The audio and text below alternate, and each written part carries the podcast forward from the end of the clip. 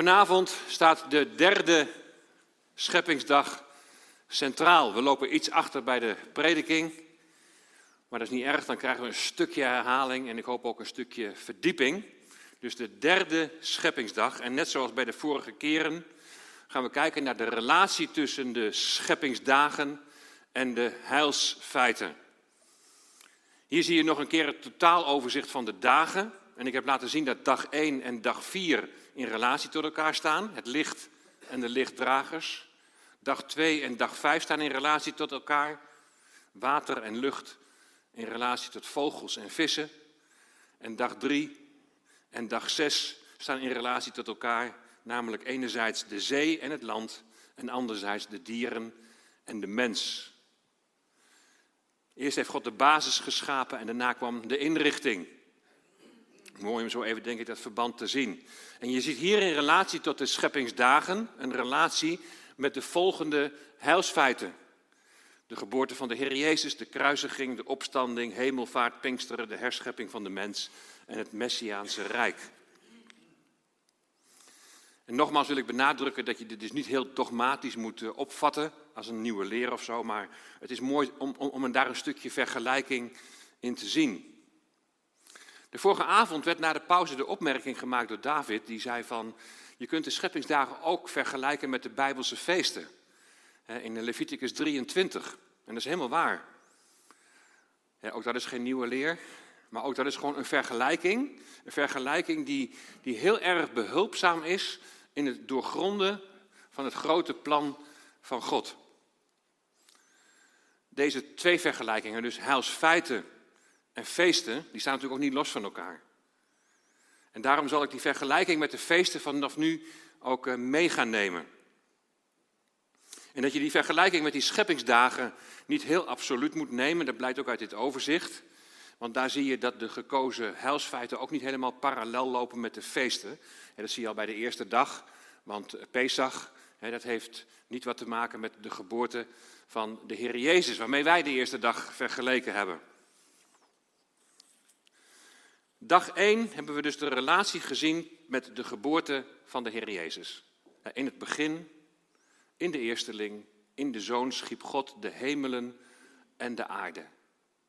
En daar lazen we in Colossense 1, vers 16 in het Nieuwe Testament. In Hem, in de Zoon, zijn alle dingen geschapen die in de hemelen en die op de aarde zijn. En dan spreekt God op de eerste dag, laat er licht zijn. En het wordt letterlijk licht. Maar als, hoofdstuk 1 van het, als je hoofdstuk 1 van het Johannes-evangelie ernaast legt, dat ook begint hè, met in het begin. Johannes begint net hetzelfde als Genesis, in het begin. Dan wordt duidelijk dat het licht ook een openbaring is van Gods aanwezigheid. Van Gods aanwezigheid in de schepping, in zijn zoon. Er zij licht. Nou, in vers 4 van Johannes 1 zie je de link met de eerste dag in Genesis 1, waar God spreekt, laat er licht zijn. In vers 4 van Johannes 1 staat het woord, dat betekent de zoon. In de zoon, in het woord, in de zoon was het leven en het leven was het licht van de mensen. En dan de link naar de geboorte van de Heer Jezus. De profeet Jezaja die belooft dat het volk dat in duisternis wandelt een groot licht zal zien. En daar wordt de geboorte van de Messias wordt voorzegd. De Messias, de Heer Jezus, die van zichzelf zegt, ik ben het licht van de wereld. In de geboorte van de Heer Jezus kwam het licht tot ons. En zo zie je een relatie tussen dag 1 en de geboorte van de Heer Jezus. Wat de feesten betreft is er een overeenkomst te zien met Pesach. En daarvoor gaan we terug naar Egypte, het volk in slavernij. Ieder gezin van de Israëlieten moest op de tiende dag van de maand Nissan een lam in huis nemen. En drie dagen lang was het lammetje in het huisgezin. En ik weet nog niet precies waar het op is gebaseerd, maar ik las het in drie verschillende bronnen. Dat het precies de dagen waren van de duisternis in Egypte gedurende die negende plaag. Dus er was duisternis in Egypte, maar waar de Israëlieten woonden, daar was het licht. En zij hadden het lam in huis. Het was bij hen letterlijk licht, net zoals op de eerste scheppingsdag het letterlijk licht werd, maar ook figuurlijk was het licht aan. En zoals in de zoon het licht van de mensen geschapen wordt en God zich openbaart in zijn zoon toen hij zei, er zij licht, zo is ook het lam bij de Israëlieten thuis, de zoon, de Messias, aanwezig bij zijn volk. Hij die zichzelf offert om zijn volk leven en vrijheid te geven. Het bloed van het lam bevrijdt van zonde en geeft nieuw leven. Dus de geboorte van Jezus en Pesach, die lopen natuurlijk niet parallel. Maar het zou qua datum wel eens heel dicht bij elkaar kunnen liggen. En we weten allemaal dat de Heer Jezus niet 24 of 25 december geboren is. En eerste kerstdag toen we hier bij elkaar waren, ook voor de, voor de zangdienst, de zing-in, toen, toen vroeg ik me hardop af van, zou het kunnen dat de Heer Jezus tijdens het Loofhuttenfeest geboren is? Was de stal een loofhut? Was de kribbe een broodbak? Waarin zoals gebruikelijk het brood werd neergelegd, gewikkeld in doeken? Een broodbak in Bethlehem, in Bethlehem, huis van brood? Ik werd er daarna door iemand op gewezen dat Jonathan Kahn, een Joodse bijbelleraar, daar een hele bijzondere theorie over heeft. En die wil ik jullie toch niet onthouden. Het loofhuttenfeest, in het Engels wordt dat genoemd de Feast of Tabernacles, dat moet nog vervuld worden. En dat zal worden vervuld bij de wederkomst van de Heer Jezus. Met meerdere, best wel heel sterke argumenten komt hij uit op de eerste Nissan als de geboortedatum van de Heer Jezus. En onder andere laat hij zien, daarom, daarom gaf ik net even die vertaling in het Engels van Feast of Tabernacles. Hij laat onder andere zien dat het maken van de tabernakel negen maanden heeft geduurd. Precies de termijn voordat het kindje geboren wordt. En dan staat er in Exodus 40, vers 1 en 2. Toen sprak de Heere tot Mozes. Op de eerste dag van de eerste maand moet u de tabernakel, de tent van ontmoeting, opbouwen. Dus na negen maanden moest op de eerste Nisan de tempel worden opgebouwd. En dan zou de opbouw van de tabernakel de vervulling zijn van Jezus' eerste komst, zijn geboorte in Bethlehem. Nou, er zijn nog veel meer argumenten voor, maar dit is een van de ja, die ik toch wel even graag wilde noemen. En dan tijdens de Feast of Tabernacles, het, het, loofhuttenfeest, de wedergeboorte, of de, de wederkomst van de Heer Jezus. Kijk, en dan ligt de geboorte, de eerste Nissan en veertiende Nissan ligt niet zo ver uit elkaar. Hij die geboren werd, mens werd om zijn volk te redden en daartoe legde hij zijn leven af. Nou, dag 2, even wat korter, want het gaat uiteindelijk om dag 3. Dag 2 hebben we de relatie gezien met de kruisiging van de Heer Jezus. En we hebben ons afgevraagd wat dat gewelf is dat scheiding maakt tussen water boven en onder het gewelf. En in de prediking heb ik er nadruk op gelegd dat God ruimte schept. Dat hij scheiding aanbrengt. En Jezus' kruisiging betekent ook scheiding. Jezus' kruisiging betekent voor ons dat er verzoening is gedaan voor onze zonden. Maar Jezus' kruisiging, met hem gekruisigd zijn, betekent het afleggen van het oude aardse ik-gerichte leven. Het kruis betekent het einde van, het oude, van de oude schepping van ons oude ik dat gevangen was in de macht van zonde en dood. Het kruis brengt scheiding. En God scheidde de wateren, de hemelse en de aardse. En zo zijn er hemelse en aardse mensen en daartussen staat het kruis. Door het geloof in de Heer Jezus zijn we hemelse mensen geworden, hemelburgers. Hemelburgers, door de kruisdood van de Heer Jezus hebben we toegang tot het hemelse heiligdom. God schiep op de tweede dag ruimte opdat er leven mogelijk zou zijn. Het kruis schept ruimte, opent de weg naar de Vader en je ontvangt leven. En je ontvangt nieuw leven, eeuwig leven. In de vergelijking met het feest van de ongezuurde broden, want dan gaan we even weer verder naar het feest wat genoemd wordt in Leviticus 23, dat aansluit op uh, Pesach, het feest van Matzot heet dat, dat gaat nog een stapje verder. Ze moesten het hele huis doorzoeken of er nog iets van zuurdeeg aanwezig was. En zuurdeeg is in de Bijbel altijd beeld van het kwaad, is altijd beeld van de zonde. Na Pesach, na het offer van de Heer Jezus, kun je niet zomaar overgaan tot de orde van de dag.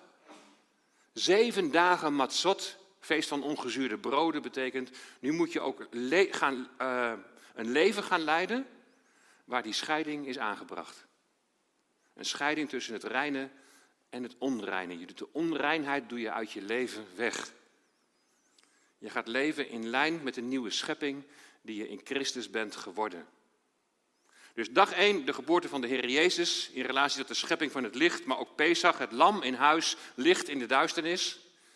Dag 2, scheiding is het sleutelwoord. En zo brengt het kruis scheiding tussen het hemelse en het aardse. Het oude is voorbij en het nieuwe is gekomen. En bij het feest van de ongezuurde broden, dat aansluitend volgt op Pesach, feesten die bij elkaar horen, daar staat ook die scheiding centraal. Niet meer mijn wil, maar uw wil geschieden. Je neemt afstand van alles wat de duisternis toebehoort.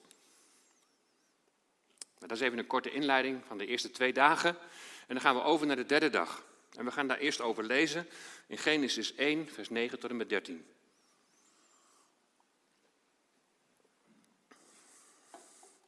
En God zei: Laat het water dat onder de hemel is, in één plaats samenvloeien en laat het droge zichtbaar worden. En het was zo.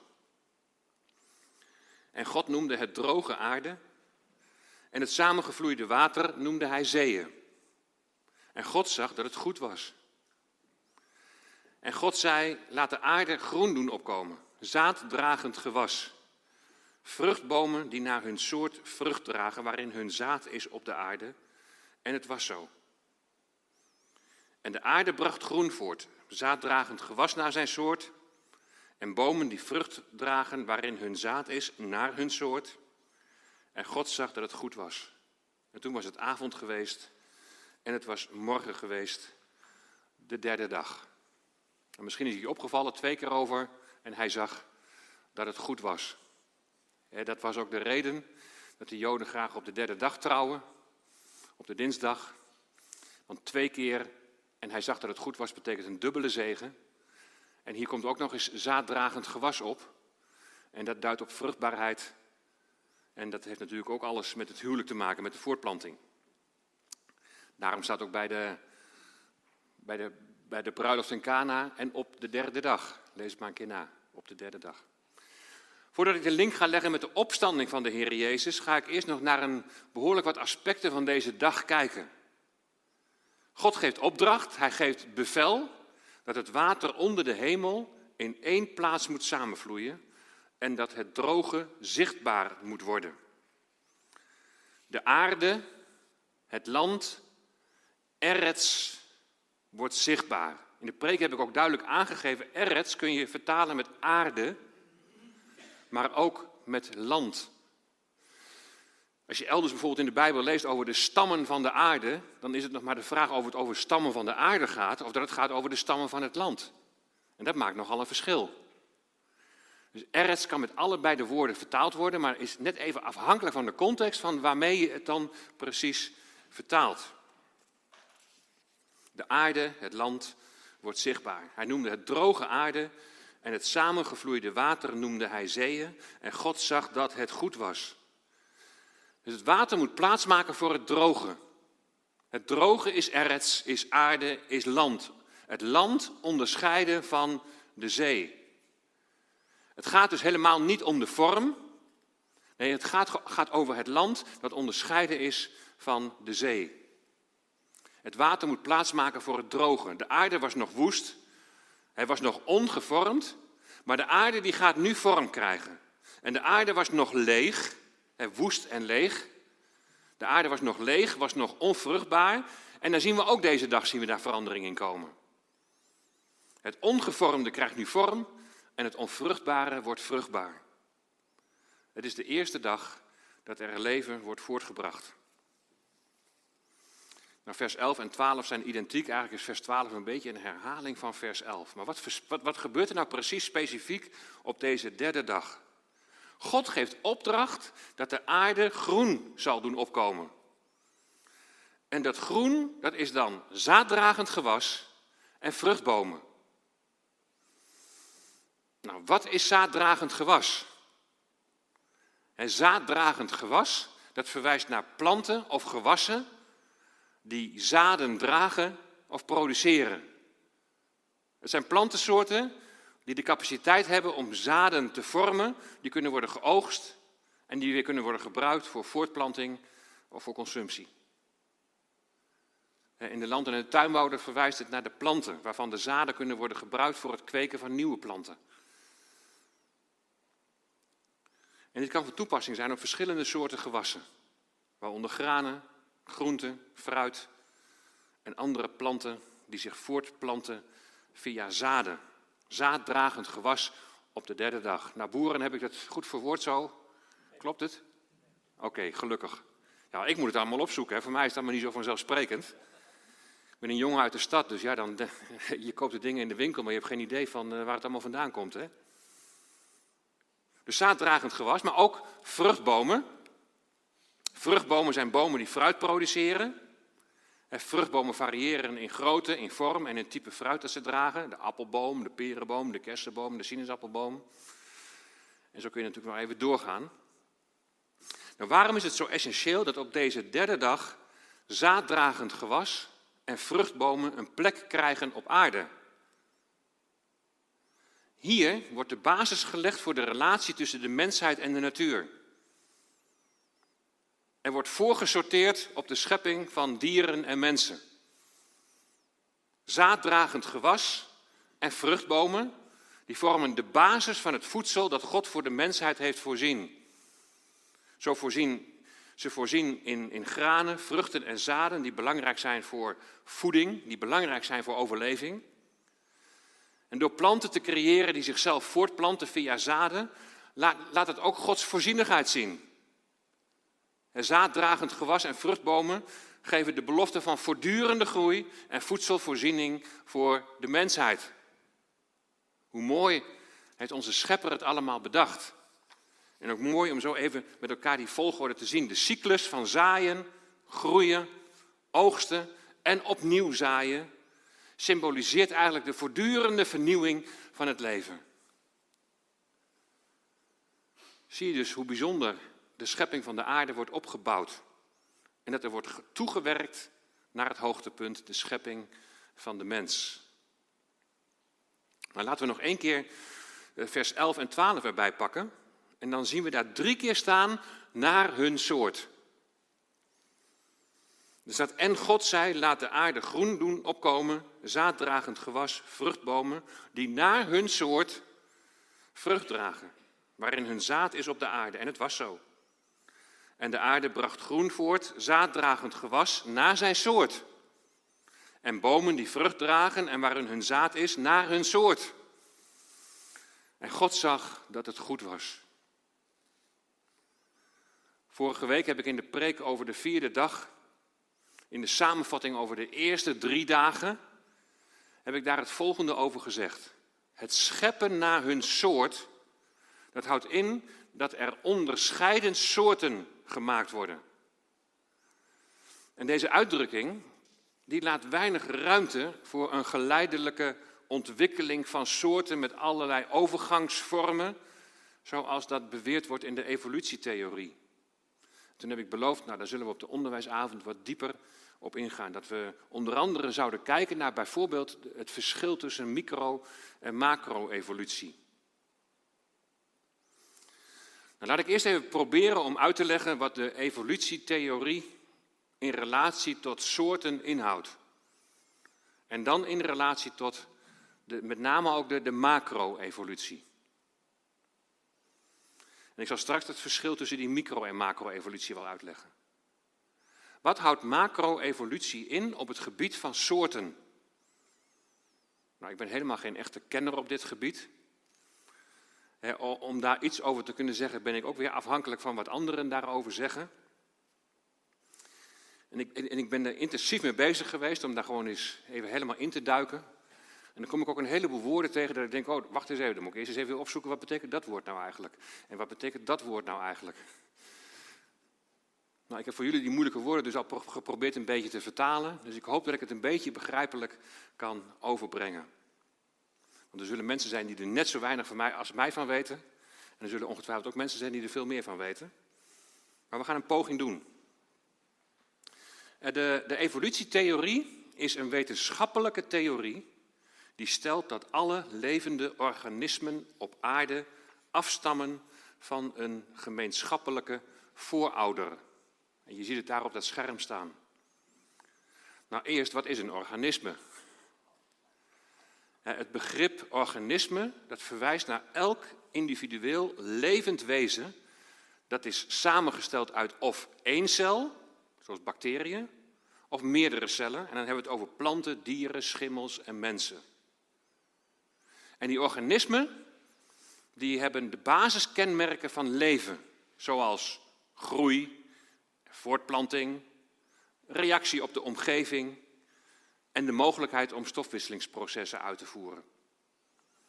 En deze organismen die hebben volgens de evolutietheorie dus een gemeenschappelijke voorouder.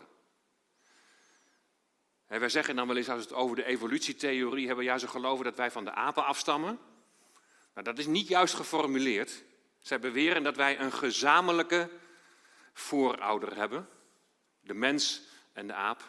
Dat dan een, er wordt ook wel eens een oeraap genoemd of wat dan ook. Ze kunnen echter niet zeggen wat de identiteit is van die gemeenschappelijke evolutionaire voorouder.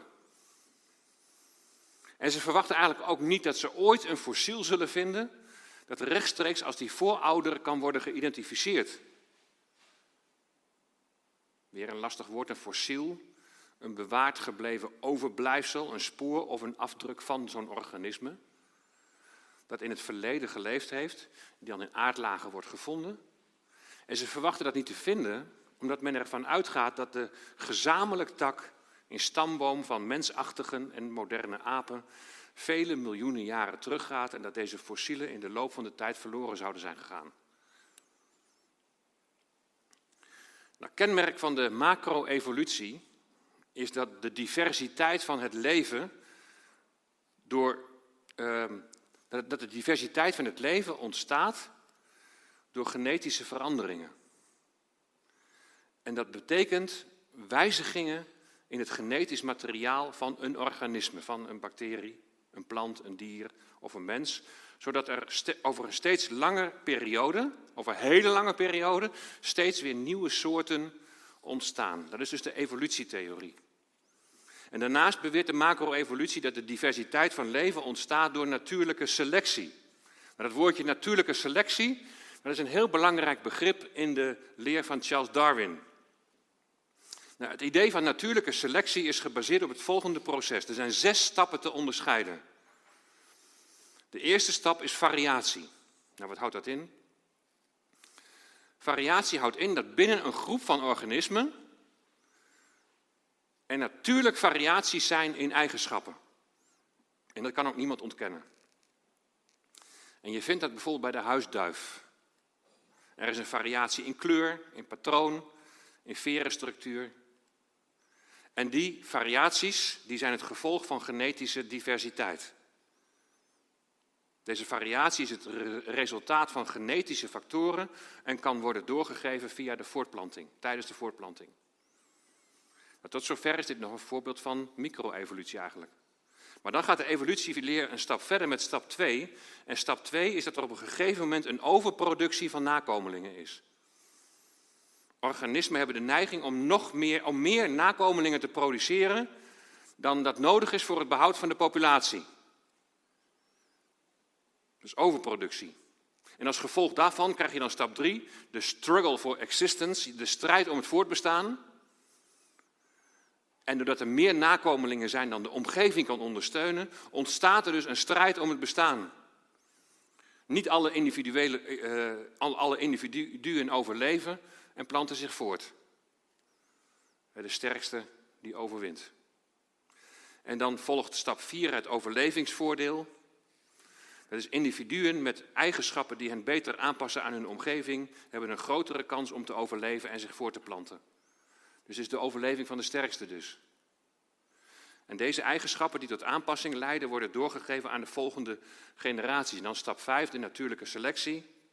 Na verloop van tijd zullen de gunstige eigenschappen zich ophopen in de populatie, omdat individuen met deze eigenschappen betere overlevingskansen hebben. En dit proces staat dan weer bekend als natuurlijke selectie. En dan volgt de laatste stap, stap 6, en die wordt genoemd de aanpassing. Na vele generaties kan het opstapelen van gunstige eigenschappen leiden tot aanpassingen aan de specifieke omgeving van een populatie. En hierdoor past de groep zich steeds beter aan bij de plek waar ze leven. En zo ontstaat er een groep die goed past in hun omgeving. Nou, ik zie al een paar mensen kijken van dat zal wel. Niet eenvoudig, hè? maar toch even, om even iets beeld te krijgen van hè, wat, wat, wat, wat leert de evolutietheorie. Natuurlijke selectie is volgens de evolutieleer een continu proces dat de genetische samenstelling van populaties in de loop van de tijd verandert. En dat zou dan tot evolutie van verschillende soorten leiden. En daarom heb ik het naam ook uitgelegd, omdat het even ging over die soorten. Dat het dus tot verschillende soorten zal gaan leiden. En dat, en dat heeft volgens de evolutietheorie een hele belangrijke rol gespeeld in de diversificatie van het leven hier op aarde. Een kenmerk van macro-evolutie is ook dat dit een proces is over zogenaamde geologische tijdschalen. En geologische tijdschalen, dat zijn systemen die worden gebruikt om de geschiedenis van de aarde in te delen in verschillende tijdsperioden. En het is dan een proces van miljoenen jaren dat nieuwe soorten ontstaan. Dat is eigenlijk kort samengevat een beetje die macro-evolutie. Nou, in relatie tot het Bijbelse scheppingsverhaal zie je dat christenen allerlei pogingen doen om het scheppingsverhaal en de evolutieleer te combineren. De dagen zouden dan geen dagen van 24 uur zijn. De restitutieleer leert dat er een, een gap, een gat zit tussen Genesis 1 vers 1 en 1 vers 2. De aarde was dan niet woest en ledig, maar de aarde werd woest en ledig. En de huidige schepping zou dan een herschepping zijn van wat daarvoor al misschien wel ook al miljoenen jaren was. En weer anderen zeggen dat Genesis alleen maar symbolisch of literair moet worden gelezen, zodat je alle kanten uit kunt met de ouderdom van de aarde. En veelal worden schepping en evolutie gecombineerd, wat we theïstische evolutie noemen.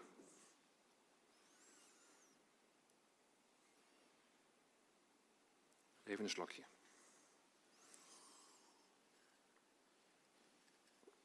Ik hoorde een preek van Wim Grandia. Die ging ook over de schepping. En Wim Grandia die zei van, ik heb jarenlang bij de EO gewerkt, vroeger. Hij zei, maar ik vind het schokkend wat op hun site staat over de schepping. Reinier Zonneveld, die gaat op de website van de EO, gaat hij voor theïstische evolutie. En dat heeft allerlei gevolgen. Als aan hem dan de vraag wordt gesteld of Adam en Eva hebben bestaan, dan antwoordt hij waarschijnlijk niet. En hoe zit het dan met de zondeval? En hoe zit het dan met de belofte in Genesis 3, vers 15, die al heen wijst naar de kruisdood van de Heer Jezus, naar de verlossing? Alles komt op deze manier komt op losse schroeven te staan. En ik heb al eens aangegeven, de wetenschap die bestaat niet. Wetenschappers zijn het lang niet altijd met alles over, met elkaar over eens. Ik beperk het vanavond tot het begrip soorten. Maar we zullen volgende keren nog wel eens bekijken dat er behoorlijk wat discussie is over de berekening van de ouderdom van de aarde. Er zijn meerdere berekeningsmethoden om de ouderdom van fossielen in de aardlagen te bepalen. Ik neem Genesis 1 letterlijk. Waarbij ik me heel goed realiseer dat Genesis geen, geen wetenschappelijke verhandeling is over het ontstaan van de aarde. Dat het een lofzang is op de schepper. Maar ik heb het niet nodig om Genesis 1 als betrouwbaar te betitelen zonder een verbinding te zoeken met de evolutieleer. Voor mij niet nodig. En als je evolutie en schepping met elkaar wilt verbinden, dan begeef je je echt op glad ijs. Dan begeef je je, tenminste dat is mijn mening, dan begeef je je op een hele gevaarlijke weg. En daarbij zeg ik dus niet dat er helemaal geen sprake is van evolutie. Maar dan moet je dus onderscheid maken tussen macro- en micro-evolutie. En wat is het verschil? Nou, deze twee termen die worden gebruikt om onderscheid te maken tussen de verandering van soorten en de veranderingen binnen soorten. Ontwikkelingen en genetische veranderingen binnen soorten vinden plaats in volgende generaties. En goede voorbeelden daarvan zijn de vorming van rassen. Zo zijn uit de soort wolf, als je die even als soort ziet, wolf, zijn honderden hondenrassen voortgekomen. Van de poedel tot de Sint-Bernhard. Maar hond blijft hond. Soort blijft soort. Ze blijven voortgekomen uit het soort wolf. Hier zie je ook wie uit een oorspronkelijk geschapen soort voortkomen. En dat zijn de leeuw, het jachtluipaard, de jaguar en de huiskat. Een brede ontwikkeling van rassen heeft met name plaatsgevonden bij de huisdieren. De mens heeft mutaties verzameld, heeft huisdieren met elkaar gekruist en zijn naar de wens van de mens zijn ze geselecteerd. En zo werd bijvoorbeeld de rotsduif, waarmee Charles Darwin zich ook heel intensief bezig heeft gehouden, werd door de telers in meer dan duizend rassen opgesplitst. Op de Galapagos-eilanden heeft Darwin exemplaren van allerlei vinken verzameld. Daar komen ontzettend veel vinkensoorten voor, in totaal 13. En vaak worden deze, er wordt ook wat Darwinvinken genoemd, vaak worden deze Darwinvinken als bewijs voor evolutie in het algemeen aangevoerd. Maar het is onbetwist dat de veranderingen van deze vogels liggen binnen het bereik van die micro-evolutie. Dat is heel wat anders. Deze verschillende soorten zijn nog altijd vinken, zullen altijd vinken blijven en soort blijft soort.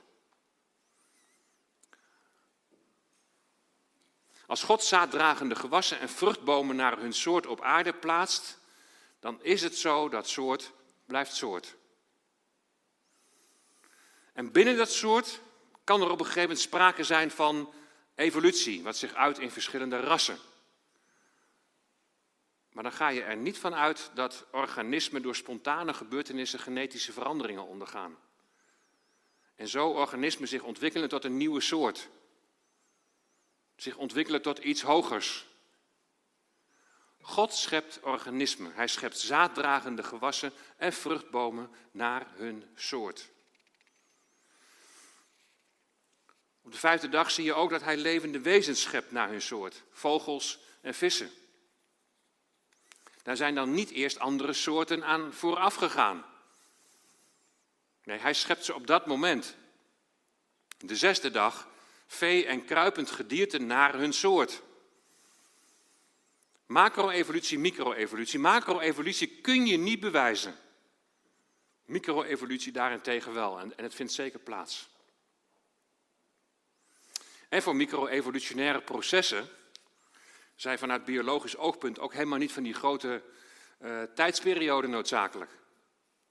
Er is vastgesteld dat zij 10.000 tot 10 miljoen maal sneller kan verlopen dan vanuit veel reeksen in de fossielen wordt beweerd. En dan gaat het dus hier over die ouderdomsberekening. Daar komen we nog wel eens een keer op terug.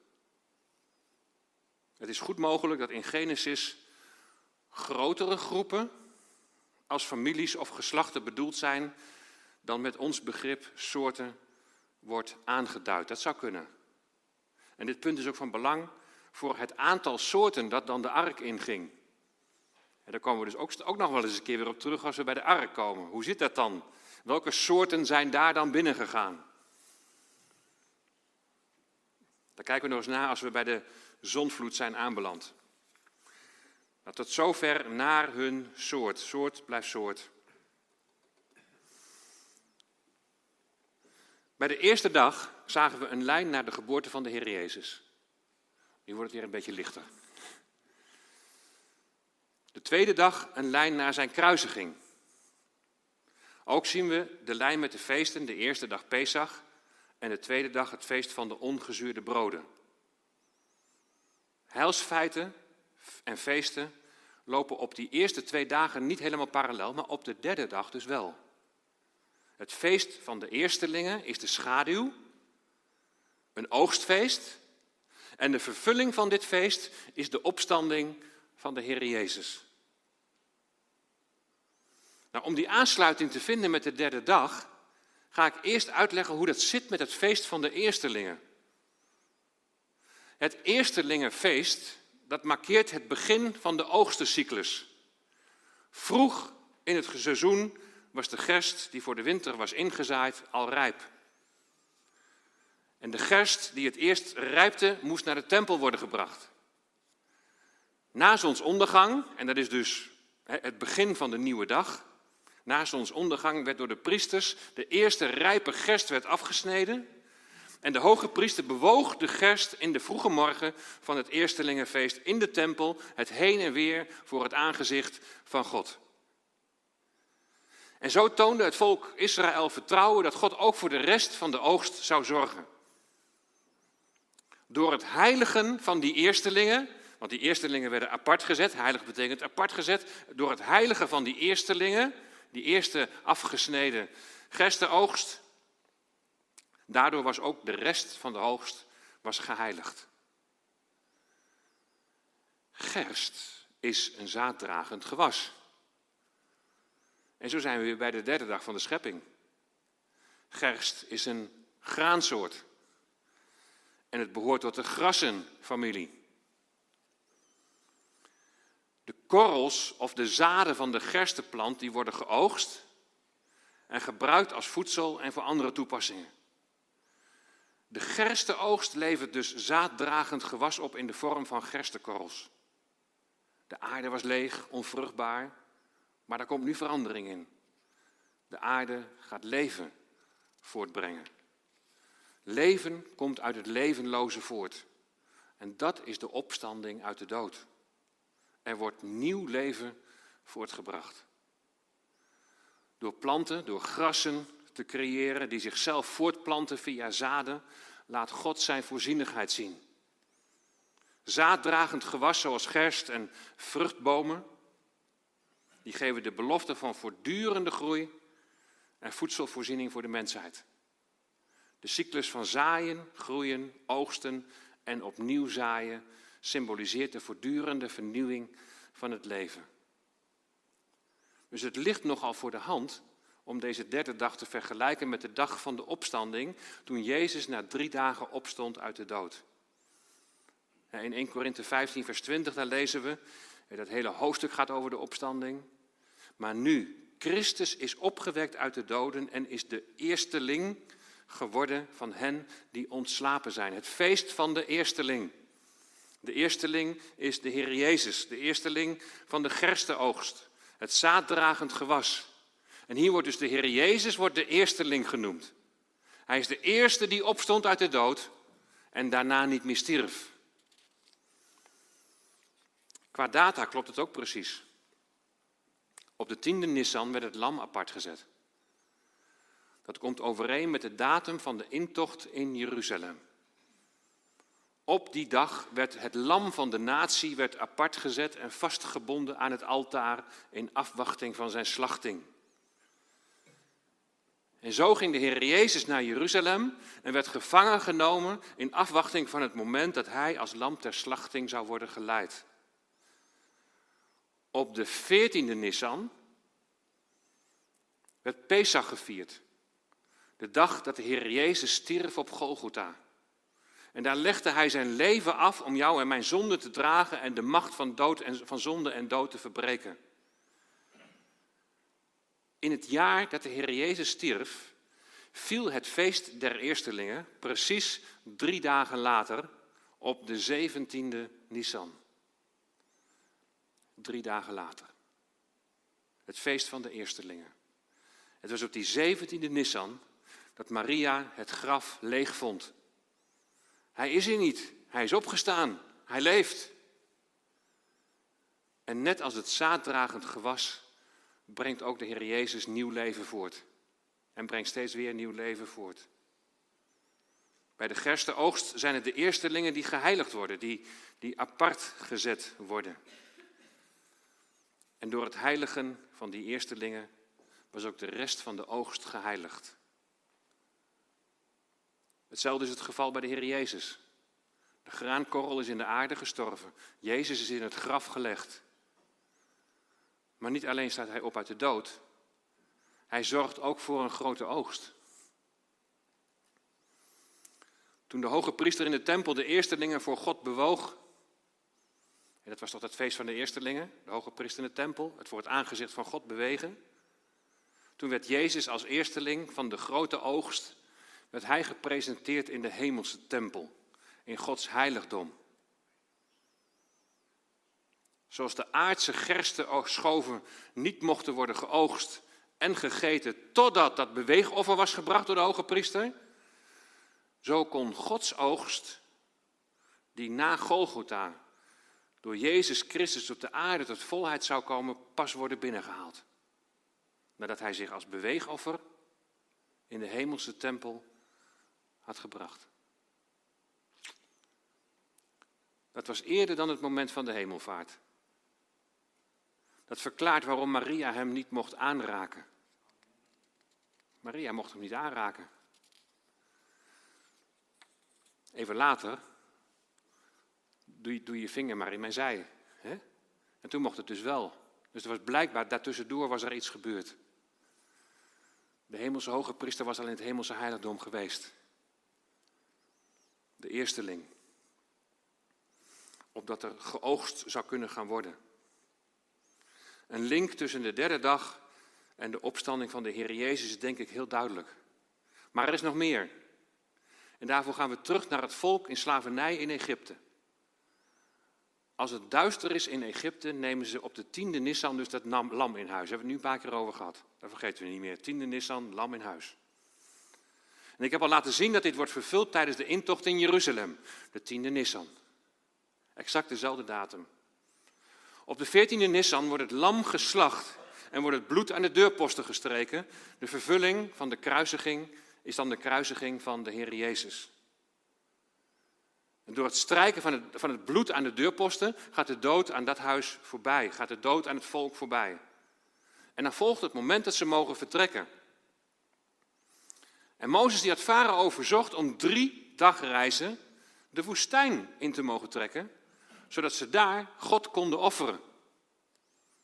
Drie dagen na de veertiende Nissan. En toen het volk richting de Schelfzee trok, kreeg Farao spijt. De Hebreeërs, die waren nog steeds zijn eigendom. En het volk kon zich niet zomaar onder die eigendomsclaim, uh, of van die eigendomsclaim ontdoen. En zo stonden ze daar bij de Schelfzee terwijl de farao en zijn leger kwamen aanstormen. De veertiende Nissan, het offeren van het Pesachlam. Het sterven van de Heer Jezus. De vijftiende Nissan is de Heer Jezus in het graf. Ook wij konden niet uit eigen kracht onder die eigendomsclaim van de Satan vandaan komen. Daar was een sterke voor nodig. Wij waren als ongelovigen, waren we dood in onze zonden en in onze overtredingen. En zo schrijft Paulus dat aan de gelovigen in Efeze. Satan is degene die de macht over de dood heeft. Dat lees je in Hebreeën 2, vers 14. Omdat nu die kinderen van vlees en bloed zijn, heeft hij eveneens daaraan deel gehad om door de dood, hem die de macht over de dood had, dat is de duivel, te niet te doen. De dood moest worden verslagen. De heerser over deze aarde, want de Satan wordt de overste van deze wereld genoemd, de God van deze eeuw, van dit tijdperk, dat onder, alles onder zijn beslag ligt, alles onder het beslag van het kwaad ligt, wat we om ons heen zien, in alles wat er in deze wereld gebeurt. Hij moest worden verslagen. De kop van Satan moest worden vermorzeld. Genesis 3, vers 15. En de sleutels van het dodenrijk moesten hem ontnomen worden. En hoe wordt dat ontnomen? Door de opstanding van Gods Pesachlam, de Heer Jezus Christus. Mozes die gaf opdracht aan het volk om stil te zijn, want de Heer zou voor hen strijden. Opdat ze onder het eigendomsrecht van Farao vandaan zouden komen. En de dood van Farao en zijn meer dan 200.000 man sterke leger betekende het einde van het eigendomsrecht van de Hebreeën. God redt zijn volk. En wat daar gebeurt, kunnen we vergelijken met de derde scheppingsdag. En God zei, laat het water dat onder de hemel is in één plaats samenvloeien en laat het droge zichtbaar worden. En het was zo. En God noemde het droge aarde en het samengevloeide water noemde hij zeeën. En God zag dat het goed was. Is toch wel enigszins vergelijkbaar met wat er bij die Schelfzee gebeurt. Lees maar mee. Toen strekte Mozes zijn hand uit over de zee en de Heer liet de zee die de hele nacht, die hele nacht wegvloeien door een krachtige oostenwind Hij maakte de zee droog. En zo gingen de Israëlieten midden in de zee op het droge. Het water was voor hen aan de rechter en linkerhand een muur. Het water moet wijken opdat het droge zichtbaar wordt, net als op die derde dag. Farao verliest zijn eigendomsrecht over de Hebreeërs en dan gaan ze de zee over. Over het drooggevallen land komen ze als een bevrijd volk uit de bedding van de zee tevoorschijn. En zoals Jezus door zijn opstanding ons bevrijdde van het, de eigendomsclaim van Satan, zo bevrijdde ook het water de Hebreeërs van de macht van Egypte. Nadat ze drie dagen de woestijn zijn ingereisd, worden ze bevrijd van Farao en staan ze in vrijheid op om onderweg te gaan naar het beloofde land. De derde scheppingsdag. Het water moet wijken voor het land. Het, volk, het volk wordt bevrijd door het water heen. Ze laten het oude achter zich. Het oude is voorbij en het nieuwe is gekomen. Ze zijn opgestaan uit het water. Nou ja, de vergelijking met de doop is dan natuurlijk heel snel gemaakt. Want het kenmerk van de doop is ook te allen tijden: het oude is voorbij en het nieuwe is gekomen. We laten Egypte achter ons, we laten de wereld achter ons en we gaan op weg naar het beloofde land. Met Christus gestorven en met Christus opgewekt. Bevrijd. Bevrijd van die eigendomsclaim van Satan zijn we vrij. Vrijgekocht door het bloed van het lam. Tot slot nog even een korte samenvatting van de derde dag. Het land onderscheiden van de zee, zoals dit ook plaatsvond bij de Exodus uit Egypte, waar het volk op de 17e Nissan, de dag van de opstanding, opstond uit het water. En Egypte achter zich liet ontdaan van de eigendomsclaim van Farao. De derde dag, de dag van zaaddragend gewas en vruchtbomen. De 17e Nissan was tijdens het jaar dat Jezus zijn leven gaf op de 14e Nissan, de dag van het feest van de eersteling. De dag van de gerstenoogst, de dag van het zaaddragend gewas. Leven komt uit het levenloze voort en dat is als opstanding uit de dood. Er wordt nieuw leven voortgebracht. En door planten, grassen te creëren die zichzelf voortplanten via zaden, laat God zijn voorzienigheid zien. Zaaddragend gewas, zoals gerst en vruchtenbomen, geven de belofte van voortdurende groei en voedselvoorziening voor de mensheid. De cyclus van zaaien, groeien, oogsten en opnieuw zaaien symboliseert de voortdurende vernieuwing van het leven. Zaaddragend gewas en vruchtbomen naar hun soort. Macro-evolutie valt niet te bewijzen, micro-evolutie wel. De derde dag die door veel Joden wordt uitgekozen om te trouwen. Zoals ik al zei. Want God zei tweemaal en hij zag dat het goed was. De, zag van het, de dag van het zaaddragend gewas. En zo zien ze het huwelijk als een samengaan van man en vrouw om nakomelingen voor te brengen. De mens als een zaaddragend gewas. Wat is het toch bijzonder om al die vaste patronen te zien? God is een God van orde, God is een God van, van structuur. En hij heeft zoveel in die schepping gelegd. Ook zoveel wat wij uit die schepping moeten relateren. Ook als het, nou we hebben het net over het huwelijk, als het gaat over relaties. God heeft het in de schepping gelegd. Hij heeft daar laten zien hoe hij het heeft bedoeld. En daaruit blijkt ook dat hij een plan heeft dat hij tot uitvoer zal brengen. En ik hoop, als je zo met de schepping bezig bent en als je daarover leest, dat je je verwondert over hem. En dat je hem prijst, hem aanbidt en hem dankt.